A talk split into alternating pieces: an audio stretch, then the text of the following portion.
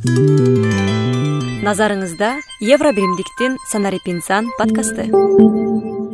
Саламатсыздарбы урматтуу угармандар назарыңыздарда санарип инсан подкасты. Жана анын алып баруучусу мен ажыбек нурланов жана кесиптешим сапаргүл абдинабиева. Бүгүн биз дагы эфирибизге абдан кызыктуу кишини конокко чакырдык. Соло медиа youtube каналынын негиздөөчүсү кундуз казыбек кызы саламатсызбы? Саламатсыздарбы кундуз. Мына сиз мындан бир нече жыл мурун кыргыз музыка дүйнөсү ютубка аябай чачыранды болуп жайгашып жаткан учурда баарынын башын бириктирип соло медиа деген атайын канал түптөп азыркы учурда дээрлик эки миллионго чукул көрүүчү топтоп кыргыз музыкасынын башын бириктирген бир абдан жакшы платформа болуп калды да. Анан ошону идея сизге кантип келди эле? Андан аркы иштер кандай уланды? Жалгыз өзүңүз ошого кантип жетишип жасадыңыз негизи бул соло медиа деп эки миң он жетинчи жылы ошол учурда жаңыдан баягы кыргызстанга youtube жаңы кирип баштаган да youtube тууралуу жаңыдан маалымат алып баштаганбыз. Анан ошол учурда бир жерден угуп калдым. Youtubeтан акча тапса болот экенинчи. Анан таң калып чын эле болобу деп эми биз үчүн ал учурда жаңылык болду да. Анан аябай изилдеп жүргөн кезде дагы бир креативдүү эки жигит келип негизи канал ачпайлыбы деген сунуш түшүп калды да. Мен баягы өзүм дагы кызыгып жүргөндүктөн келгиле деп анан ойлонуп отуруп кандай кылсак болот эмне кылсак болот деп анан ойлонуп отуруп карасак чындыгында ата мекендик аткаруучулардын ошол өздөрүнүн продукциялары ар кайсы жерде чачыранды болуп жүргөнүн көрдүк да.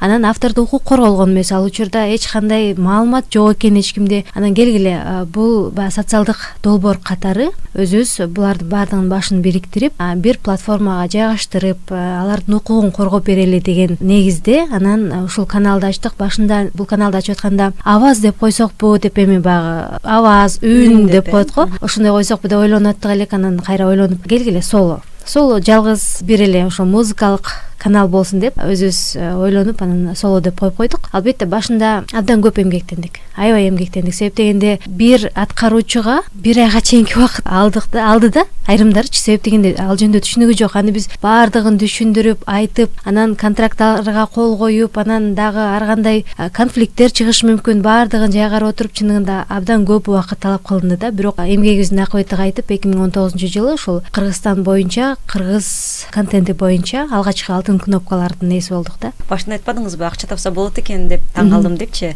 Анан ошол максаттарыңыз реалдуулукка дал келдиби ооба дал келди ошол тууралуу биздин угармандарга бөлүшсөңүз анткени бизде деле абдан потенциалы кенен жарандар э биздин мекендештерибиз абдан көп балким аларды чыкшыктандырат негизи мындай экен да биз баягы социалдык долбоор катары эмгектенгени менен биз э, ошол эле youtube аркылуу өзүбүздүн студиябызды куруп алдык бир топ техникаларыбызды алдык финансылык эркиндикке жеттик. Эми чоң команда түптөй алдык да. Мисалы азыркы учурда алардын айлыктарын камсыздап берип атабыз. Өзүбүздүн баардык керектүү техникаларыбыздын баары бар.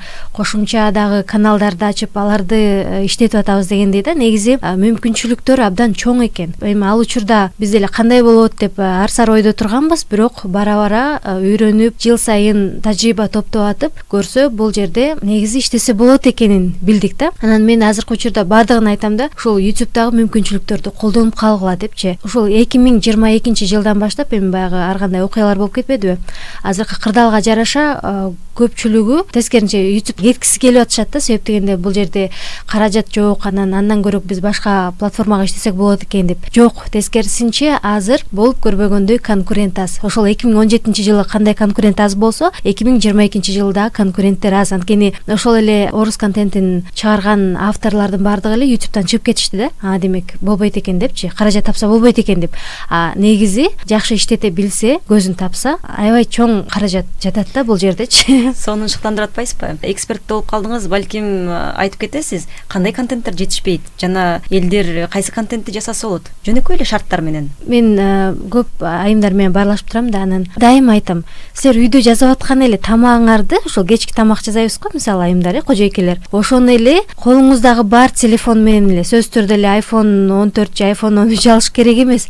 Колуңузда кандай телефон болсо ошону менен эле тартып ошол тамагыңызды эле киргизип ал жерде сиздин кебетеңиз деле көрүнбөйт үнүңүз деле жок. Болгону сиз бир эки үч тилде жазып коюңуз. Мисалы жумуртка болсо англисчесин орусчасын кыргызчасын жазып туруп эле кайсы баягы ингредиенттер керек болсо ошону эле жазып коебуз музыканы коштоп туруп эле монтаждап туруп салып коюңуз. А биз мисалы өзгөчө кожоекелер тамак жазаарда бүгүн эмне тамак жасайм деп эле дароо ютубту ачабыз го. Ачып эле анан ошентип атып эле анан э, сөзсүз түрдө ошол эле сиздин күнүмдүк жасап жаткан ишиңиз аркылуу сиз кошумча каражат таба аласыз да негизи. Абдан жакшы. Сиз абдан жакшы баштап кеттиңиз. Баягы ютубтан кантип акча тапса болот деп анан бул айымдар жөнүндө айтып кеттиңиз. Ал эми толук мындай үй бүлө катары жаштар мугалимдер окуучулар кандай материалдарды жазып киргизгенге мүмкүнчүлүктөрү бар? Негизи изденсең ийгилик табат деп коет го.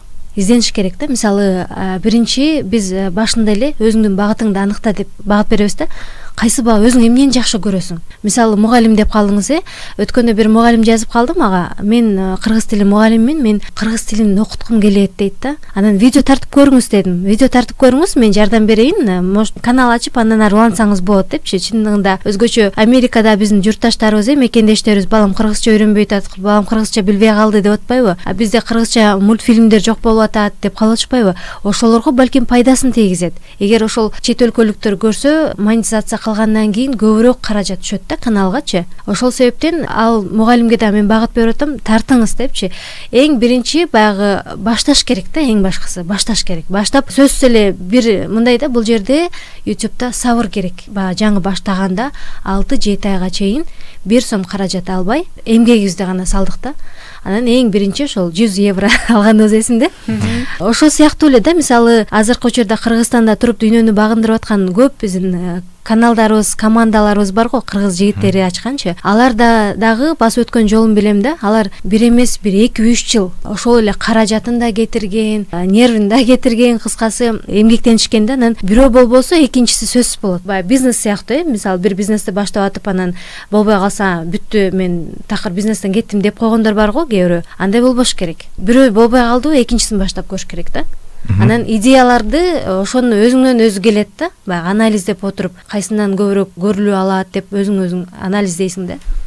Абдан жакшы. Сиздин ишмердүүлүгүңүз жана сиз айтып аткан мүмкүнчүлүктөр бул баягы креативный экономика санарип экономиканын бир бөлүгү болуп эсептелет. Анан санарип экономика креативный экономикада бир эле youtube эмес дагы башка социалдык платформалар бар да. Э, мүмкүн э, конкуренттериңиздер болушу мүмкүн дагы бөлөк э, кайсыл жактан жылдыруу керек мындай интернет э, маркетингди кошуу керекпи ошол боюнча дагы айтсаңыз. Баардык платформаларды колдонуш керек. Ошол каналды жылдыруу үчүн көбүрөөк көрүлүү үчүн инстаграмды да баардык башка социалдык тармактарды сөзсүз колдонуш керек да. Себеп дегенде ошол аркылуу элдер тааныйт. Баардык эле бизнести болобу кайсы жерде болбосун таанытуу үчүн рекламалык ар кандай инструменттер бар го ошонун баардыгын бирок бизде таргетинг жолу болбош керек себеп дегенде баягы экологичный болуш керек. Мисалы ошол эле инстаграм же болбосо билбейм башка социалдык тармактарды алсак таргетинг жолдору менен же ар кандай гиф сев сыяктуу бир э, ар кандай жазалма жол менен э, көбөйтүп атышпайбы катталуучуларын ошол эле көрүүчүлөрдү а ютубта андай жок. Бул жерде бир гана өзүңдүн таза эмгегиң менен гана иштешиң керек. ооба ошол менен катталуучу топтоп ошол менен көрүлүү топтош керек. Эгер андай болбосо анда сен баягы каражат таба албайсың да назарыңызда евро биримдиктин санарип инсан подкасты мына биз баарыбыз жакшы билебиз ошо дүйнөдө жалпы эле маалыматтык технологияда кыздардын кыз келиндердин орду абдан аз экени алардын катышын дайыма жогорулатуу аракети менен дүйнө алек азыркы учурда. Анын ичинде мына сиз дагы кыз келиндерди колдоп аларга курстарды жасап ютубту ачуу аларды колдонуу боюнча жүрөсүз. Ушул тармакта биз кыргызстанда кыздардын келиндердин потенциалын кантип дагы колдонсок болот аларды колдоо үчүн жеке өзүңүздүн салымыңыз кандай болуп жатат ошолор жөнүндө айтып кетсеңиз.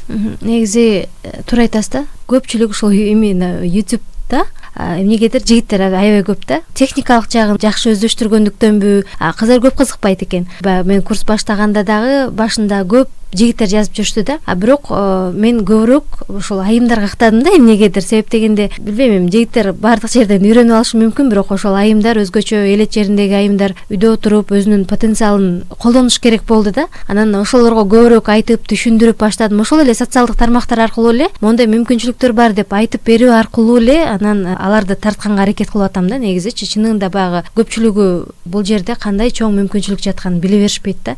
Анан ошону баягы айтып берүү аркылуу маалымат берүү аркылуу акырынан түшүндүрүп келеатам эми билбейм канчалык деңгээлде ишке ашат бирок аракет кылып атабыз да.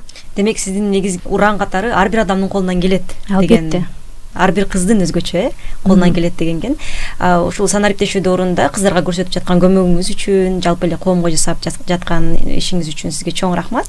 Подкастыбызды жыйынтыктайлы анда бүгүн бизде соло медиа каналынын ютубтагы кыргызстандагы эң алдыңкылардан болуп алтын кнопка алган каналдын негиздөөчүсү кундуз казыбек кызы болду. Ал эми аны алып барган ажыбек нурланов жана мен сапаргүл абдинабиева болдум. Кайрадан ободон кезиккенче жакшы туруңуздар назарыңызда евро биримдиктин санарип инсан подкасты